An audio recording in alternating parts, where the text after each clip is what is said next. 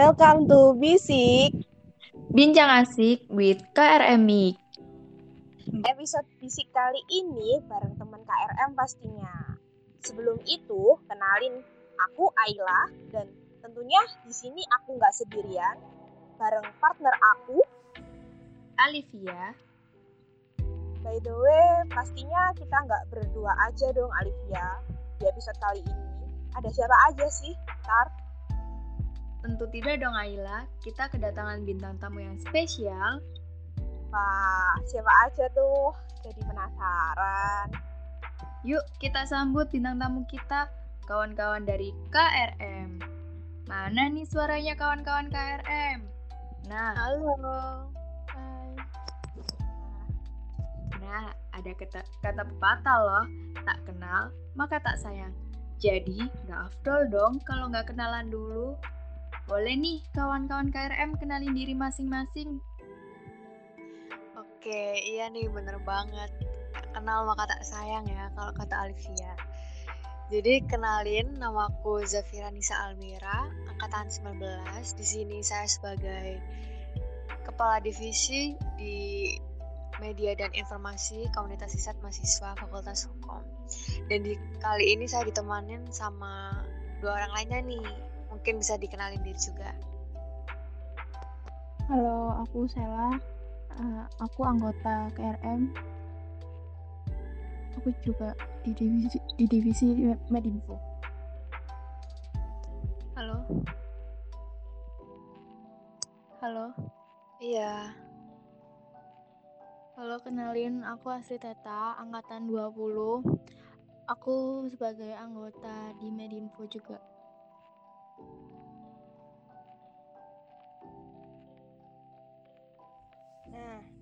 Setelah teman-teman kenalan nih, jadi aku di aku sama Alivia di sini itu bakalan ngepoin tentang KRM. Boleh dong aku mau tanya-tanya seputar KRM. Boleh banget. Nah, sebelum sebelum tanya tentang KRM, aku mau flashback dulu nih sama teman-teman. Gimana sih sejarah berdirinya KRM itu sendiri? Oke, jadi kalau setauku KRM sendiri tuh udah berdiri di tahun 2017 pada tanggal 4 Maret. Nah, semuanya itu berawal dari keresahan memandang di Fakultas Hukum UPN Jatim yang kurangnya minat berprestasi di kalangan akademis mahasiswa Fakultas Hukum. Dan juga di Eva UPN tercinta kita ini masih belum ada wadah yang dapat menaungi mahasiswa dan mahasiswi untuk menyalurkan minat dan dan berprestasinya di bidang riset. Dan juga kala itu sering ada lomba-lomba dan kegiatan dari Kemendikbud seperti PKM dan lain sebagainya yang dengan adanya RM ini jadi lebih mudah karena saling sharing seperti itu. Wah, ternyata KRM ini dibentuk penuh dengan perjuangan ya kawan-kawan. Semakin kepo nih tentang KRM. KRM itu apa sih? Apakah KRM hanya mengulik atau belajar seputar riset atau penelitian? Boleh dong diceritain kawan-kawan. Oke, kalau dilihat dari namanya sendiri udah jelas ya kalau misalnya komunitas riset mahasiswa. Nah, jadi fokusnya itu di bidang riset. Bisa penelitian. Nah, penelitian itu juga bisa seperti esai, LKTI, dan banyak hal di bidang penulisan intinya. Nah, itu menurut saya dengan kita jadi KRM itu bakal bisa membantu di skripsi. Kalau menurut Astrid dan Sela gimana nih? Ya, kalau di KRM itu tidak hanya belajar seputar penelitian, tapi juga tentang nanti persiapan skripsi, PKM, Bener dan banget. banyak hal lainnya. Bener gak sih? Iya, bener banget. Bener banget. Terus aku jadi makin penasaran. Nanti uh, setelah setelah kita join KRM, nah itu nanti ada kegiatan apa aja sih kayak selain kepenulisan. Tadi kan sempat disebutkan cuma uh, research, terus PKM mungkin ada hal-hal lain entah itu branding diri entah itu belajar belajar yang lain mungkin teman-teman ada yang bisa menceritakan sedikit Oke, di sini aku bisa menceritakan ya. Memang kebanyakan kita lebih fokus di penulisan dan riset, tapi juga ada kegiatan seperti webinar tentunya.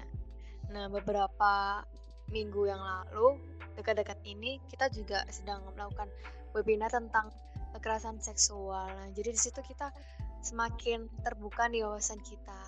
Gitu sih. Ayla. oke Wah, banyak juga ya ternyata program yang dikerjakan oleh KRM ini sendiri. Nah, aku pengen mendalam lagi nih. Gimana sih pandangan dari kalian? Apa yang membedakan KRM ini dengan organis organisasi yang lain? Boleh dong diceritain atau dijelaskan sedikit? Halo. Iya. Jadi yang membuat KRM beda dari yang lain itu, jadi pada dasarnya emang kan organisasi itu berpusat pada suatu konsen dan kita lebih berfokus pada penulisan, riset dan pen jadi yang buat beda itu kita yaitu lebih fokus sama penelitian, riset dan penulisannya. Hmm. Semakin mendalam, semakin detail, semakin tambah penasaran nih aku mau tanya lagi nih lebih lebih dalam lebih uh, lebih mengulik lagi nih soal sama teman-teman KRM mengingat uh, ini kan udah mau memasuki masa ajaran tahun baru toh. Nah itu pastinya setiap organisasi pasti ada perubahan kepengurusan entah itu penambahan anggota. Itu nanti kalau misalkan aku pengen join di KRM gitu gimana sih proses seleksi anggota baru itu nantinya? Mungkin teman-teman bisa menjelaskan nih buat persiapan. Uh, halo. Uh, proses yeah. selek proses seleksi di KRM sendiri uh, melalui open recruitment yang biasanya dibuka pada tahun ajaran baru jadi dalam seleksinya nanti akan ada tahap seperti mengisi formulir pendaftaran. Lalu setelahnya akan dilakukan interview bagi para pendaftar di KRM. Iya, bener banget nih. Jadi aku mau menambahkan ya buat teman-teman yang mau join juga kan habis ini juga bakalan ada oprek tentang keanggotaan KRM ya. Itu bisa stay tune di IG komunitas riset mahasiswa ya gitu sih. Wah, ternyata cukup menarik ya. Iya dong. Oprek untuk tahun ini. Uh, aku lanjut pertanyaan lagi ya kawan-kawan. Oke. Okay. Sempat aku baca-baca juga nih. Nah, sepengetahuanku di GKRM sendiri kan banyak nih pencapaian yang sudah dia dialami. Nah, boleh dong ceritain sedikit pencapaian apa aja sih yang diraih setiap divisinya? Nah, menambahkan dari Alivia tadi, mungkin teman-teman uh, belum menyebutkan atau belum sedikit menjelaskan di KRM sendiri itu divisi apa aja dan oh, benar iya. kata Alivia kan kita kalau mau join sebuah organisasi kita harus tahu toh apa di dalamnya itu ada divisi apa pencapaian itu apa jadi sebagai bahan pertimbangan nih buat kita join di KRM. Uh, Oke okay, di KRM uh, di susunan kepengurusannya sendiri ada BPH. Uh, eh, BPH ini merupakan anggota inti yang berisi ketua, wakil, bendahara, dan sekretariat juga ada tiga divisi yang ada di KRM, Litbang, PSDM, dan Medinfo. Nantinya, jika sudah masuk KRM, kita bakal ngerjain banyak program kerja yang sudah disusun oleh divisi masing-masing. Iya, ingin menambahkan juga ya, nanti di opera kedua juga bakalan ada divisi baru, dua divisi. Untuk detailnya mungkin bisa stay tune di Instagram KRM aja ya, biar lebih makin kepo. Ah, bener-bener. Wah, ternyata divisinya itu banyak juga ya kawan-kawan. Tadi juga kalau nggak salah nih, ada divisi Medinfo juga kan? Nah, dari kata-katanya saja Medinfo sudah menarik ya. Kenapa sih dinamakan dengan divisi Medinfo? Dan apa bedanya Medinfo ini dengan Departemen Informasi Organisasi lain?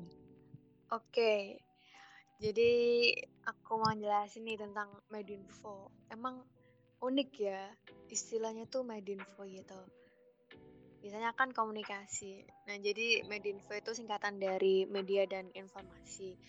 Itu merupakan departemen yang bergerak dalam bidang multimedia yang berfungsi sebagai media penyebaran informasi di lingkup EVA yang juga berfungsi sebagai wadah yang menaungi minat serta bakat para mahasiswa aktif Fakultas Hukum UPN Jatim. Nah, terutama di bidang multimedia dan juga jurnalistik. Selain itu, divisi ini juga mempublikasikan lomba-lomba dalam bidang karya ilmiah.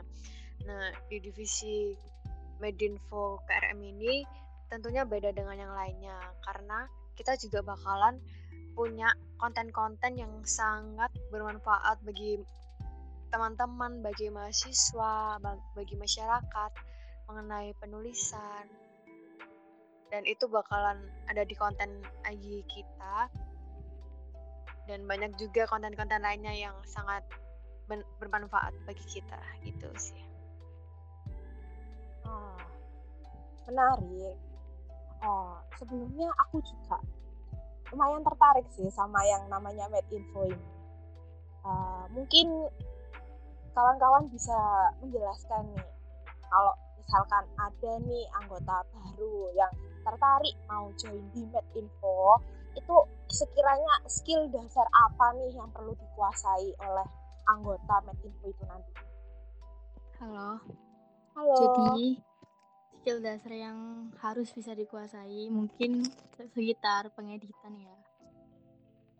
Uh, terus juga uh, di Medinfo juga harus bisa uh, membuat konten-konten yang menarik bu buat di upload di akun akun KRM kita biar yang lihat akun KRM itu apa tertarik dan uh, berminat untuk gabung di KRM.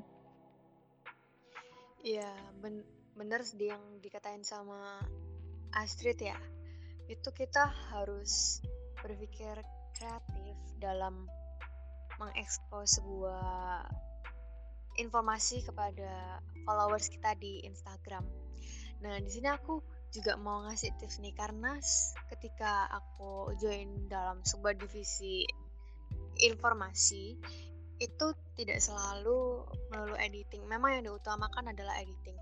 Namun kita bisa learning by doing pada saat kita terjun atau sudah join di divisi tersebut. Nanti mungkin kita bakalan diajarin oleh kepala divisi ataupun anggota lainnya nah seperti itu nah kalau semisal teman-teman yang mau join divisi Medinfo tapi nggak bisa editing dan khawatir.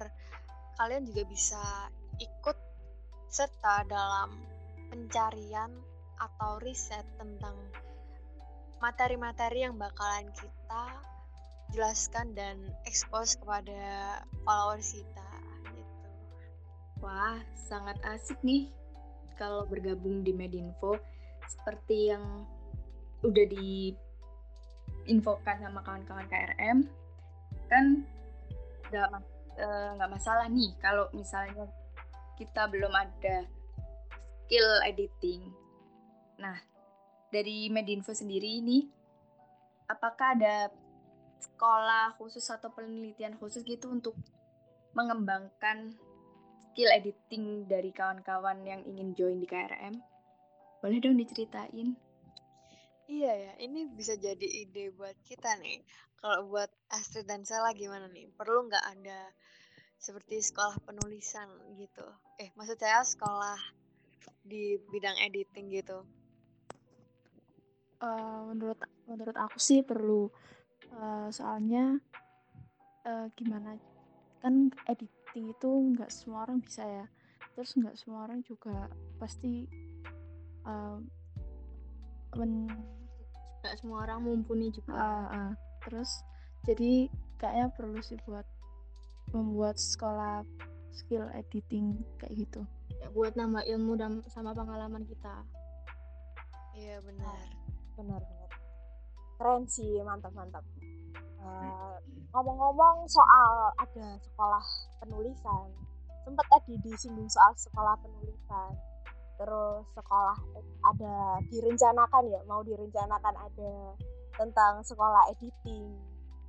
Uh, mungkin nggak sih kalau misalkan dalam ada proker nih di Medinfo itu kerjasama dengan divisi lain. Misalkan tadi disebutkan ada litbang SDM dan OTW ada IR IO itu ada nggak sih nanti kira-kira kerjasama sama divisi-divisi lain itu? Tentunya ada ya, kayak kerjasama antar divisi lain. Nah yang paling kita kita notice dan noted itu konten dari Medinfo yang pesan penting itu collab dengan Litbang. Tapi kita masih ongoing. Terus juga ada Kepoyuk terkadang dengan collab Litbang tapi untuk sekarang masih kita yang handle gitu ya. Dan juga webinar. Jadi kita kan ada konten seperti K KRM news dan lain sebagainya. Itu biasanya ada info webinar juga dari Litbang itu bisa kita masukkan ke dalam itu tadi ataupun di dalam konten catat tanggalnya untuk divisi lain mungkin teman-teman ada yang tahu kita pernah collab sama siapa? Uh, setahu saya mungkin kalau ada kegiatan kegiatan eh, program kerja yang dilaksanakan jadi Medinfo akan mengupload kegiatan tersebut di konten live report kami jadi uh, itu aja sih selain yang disebutkan Kak Zabira. Iya, soalnya kan kembali lagi kita itu sebagai divisi Medinfo yang mengeksposkan segala kegiatan KRM apa pun itu, seperti itu. Hmm, menarik. Mungkin Alivia mungkin uh, mau tanya lagi nih. Iya benar sekali Ayla. Aku semakin kepo banget nih sama Medinfo sendiri. Uh, seperti yang kita tahu nih teman-teman, di masa pandemi sekarang ini kan belum tentu kita bisa melakukan kegiatan itu semua secara offline dong pastinya. Nah, aku pengen tahu nih, se uh, di divisi Medinfo ini gimana sih caranya bisa insight di masa pandemi sekarang ini? Gak mudah dong untuk bisa insight di masa pandemi ini.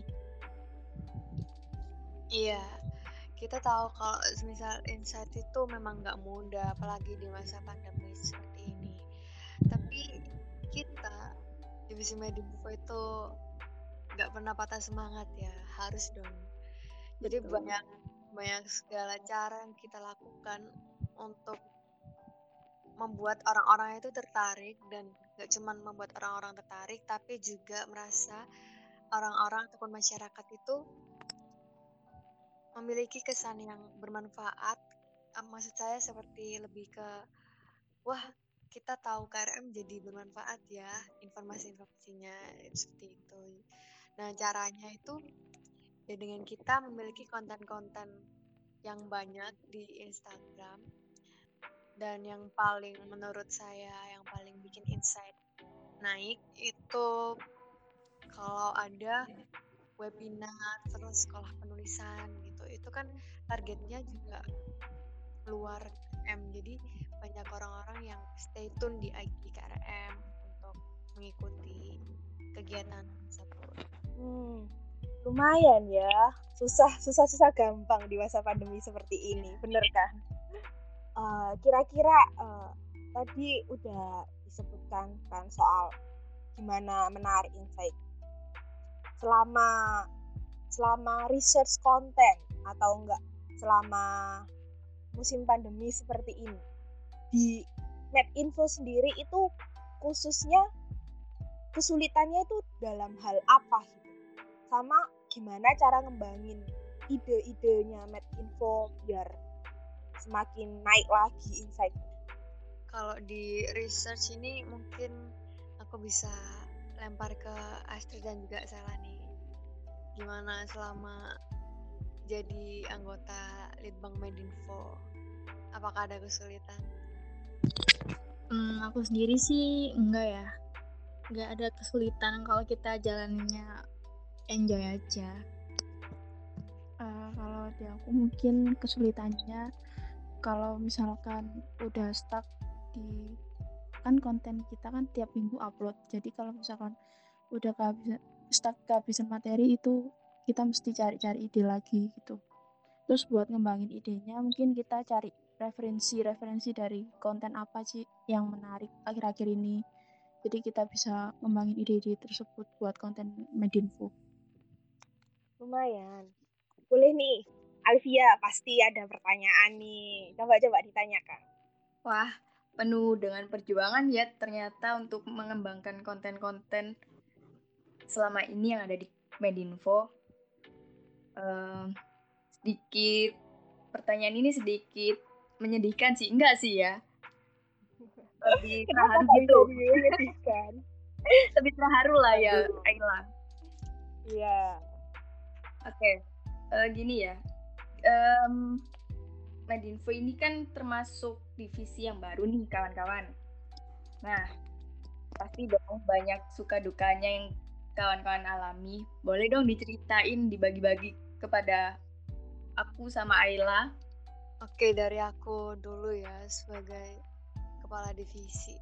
Jadi ini benar-benar dari nol banget kan, karena media dan informasi di KRM baru sekali hitungannya dan masih nol gitu loh jadi waktu itu for the first time anggotanya cuma saya dan juga PJ-nya yaitu Anjar dan itu membangun lagi mulai dari fix pertama hingga konsep-konsep ke depannya itu bagaimana nah itu dukanya sih jadi kayak benar-benar mikir konsepnya detail-detailnya karena ya itu tadi kita harus mempromosikan dan membuat tahu orang-orang jika kita itu ada loh KRM di Eva gitu. Nah, sukanya tentunya banyak gitu loh. Jadi kayak sesuai bidang yang saya suka juga walaupun harus mikir konsep gini gitu, tapi tetap on my passion gitu. Dan ini sangat mengembangkan skill-skill saya yang lainnya. Gitu. Kalau dari Sela dan Astrid gimana nih suka dukanya? Dari aku sukanya itu kita bisa lebih berbaur sama orang baru lebih share tentang konsen kita dalam Medinfo uh, kalau aku sukanya mungkin uh, kita jadi banyak menambah wawasan gimana sih uh, cara menarik orang-orang biar suka buat konten-konten di buat ya konten-konten di Medinfo terus dukanya mungkin gimana cara membangkitkan uh, semangat buat eh, semangat dari orang-orang yang nonton konten kita itu bisa terus tetap stay tune gitu-gitu.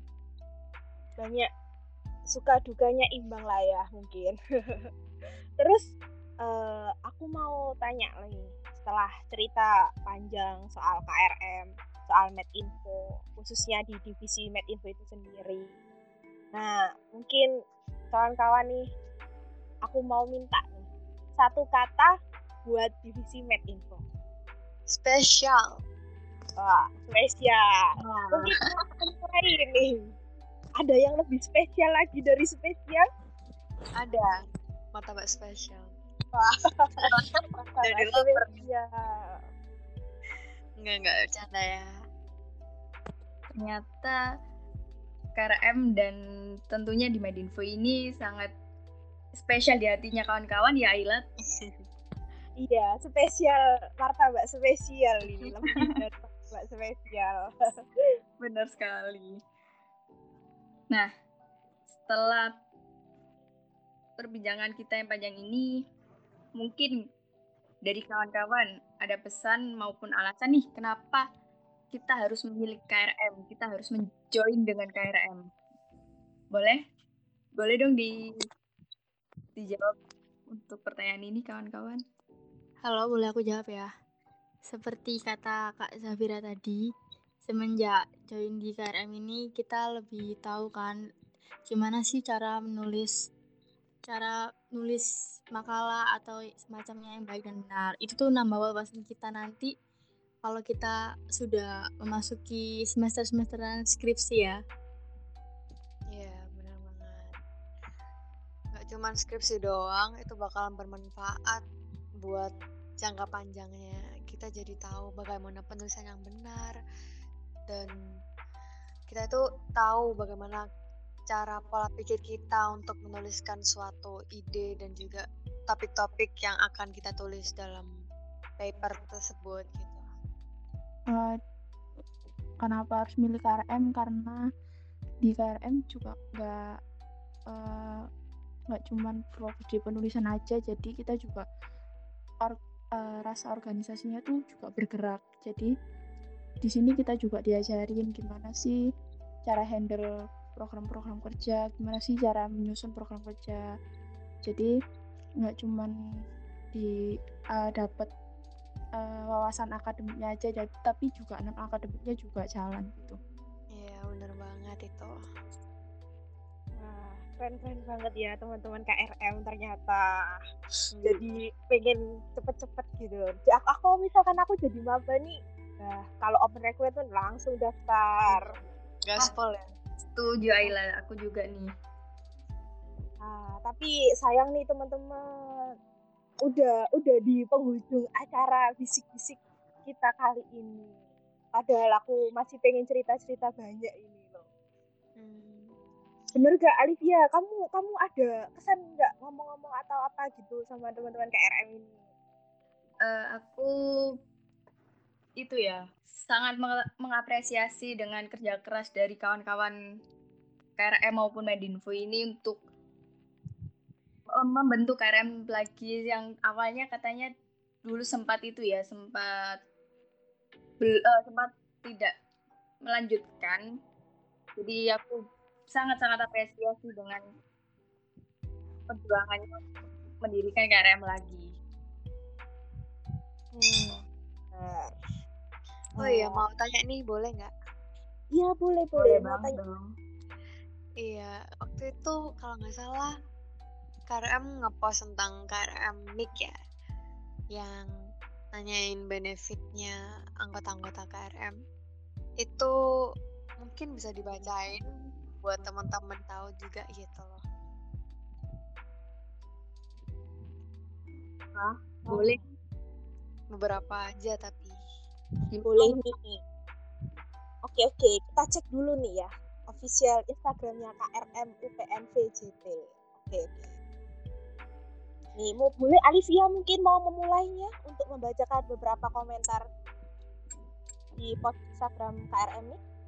Mungkin Naila dulu yang bisa Oh untuk siap. membacakan Baik baik baik. Akan saya mulai ya teman-teman. Mungkin nanti Iya, para nih. mendengar KRM Mic ini semakin tertarik.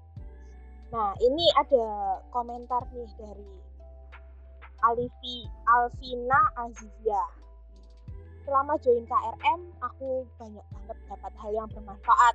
Salah satunya ada proker sekolah penulisan. Itu benar-benar membantu dalam penulisan esai, jurnal, dan KTI lainnya. Ada juga nih pelatihan penulisan esai banyak banget deh. Dan gak rugi join KRM wah mungkin mungkin. Alivia ada komentar lain nih yang lebih menarik? Wah ada ini Aila dari Naulitio ya. Wah, kat, kalau kata dia, wah kalau ditanya benefit banyak banget nih yang selama join di KRM. Benefit yang paling aku rasain adalah aku udah nggak ngerasa takut lagi kalau dengar kata esai. Wah, menarik ya teman-teman. Karena lewat KRM ini aku bisa punya kesempatan menulis esai. Selain itu, dalam proses menulis menulis esai kita nggak dibiarin gitu aja loh. Selalu ada kakak-kakak yang nemenin, nemenin ngasih saran maupun masukan yang lainnya. It benefit benefitnya nggak berhenti sampai situ juga sampai situ loh. Setiap bulan KRM ini selalu ada event-event yang menarik. Wah, sangat menarik ya, Ayla. Dari Ya, menarik. kita bisa bekerja dengan tim dan kita juga bisa mempunyai kenalan banyak teman dari UPN Veteran Jawa Timur maupun dari universitas lainnya. Wah, menarik banget ya Ayla. Mungkin ada lagi yang lebih menarik. Nih Sama ada kita. komentar yang bilang kalau ikut KRM, yakni ada Kak Isai on the Moon yang bisa mengasah kemampuan bikin esai dan analisis masalah dengan tema yang bagus tentunya. Emang top sih, gak hanya kepenulisan dan riset, tapi kompetensi kompetensi internal juga diasah ya teman-teman. Iya. Wah, semakin pingin itu ya Ayla. ah, Join. Semakin greget. Iya bener. Ada lagi nih. Ah, Eh, sejauh ini ada aku dapat sejauh ini aku dapat self improvement dari KRM dalam bidang penulisan dari penulisan esai hingga penulisan paper dan sebagainya juga sering ada info lomba penulisan yang bermanfaat untuk pengalaman kita sendiri tentunya waktu buat skripsi wah benar sekali tapi sayangnya kita belum masuk untuk skripsi ya Ayla Iya. Aku masih masih semester semester maba ini kak. Oh gitu ya. Mamba ya Ayla. Eh, ngomong-ngomong soal KRM, misal nih aku mau kepo atau tanya-tanya tentang KRM lebih detail itu ada caranya nggak? Gimana sih buat akses KRM lagi gitu? Oh tentu dong, ada banget. Semua media itu bakalan bisa kita gunakan untuk teman-teman yang mau tanya tentang KRM. Yang pertama itu bisa lewat DM, kemudian juga bisa lihat di bio kita itu ada kontak-kontak yang bisa dihubungin. Alivia mungkin ada yang mau ditanyakan lagi? aku sudah terjawab semua ya kepoanku dari untuk KRF sendiri dan Medinfo ini. Iya sih benar, sudah terjawab dengan lengkap dan Iya, kontak informasinya pun sudah dijelaskan oleh kadifnya Medinfo. Bener banget itu Iya.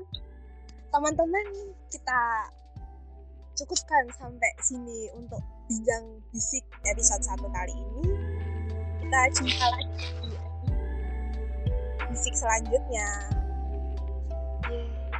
Dadah. See you episode selanjutnya.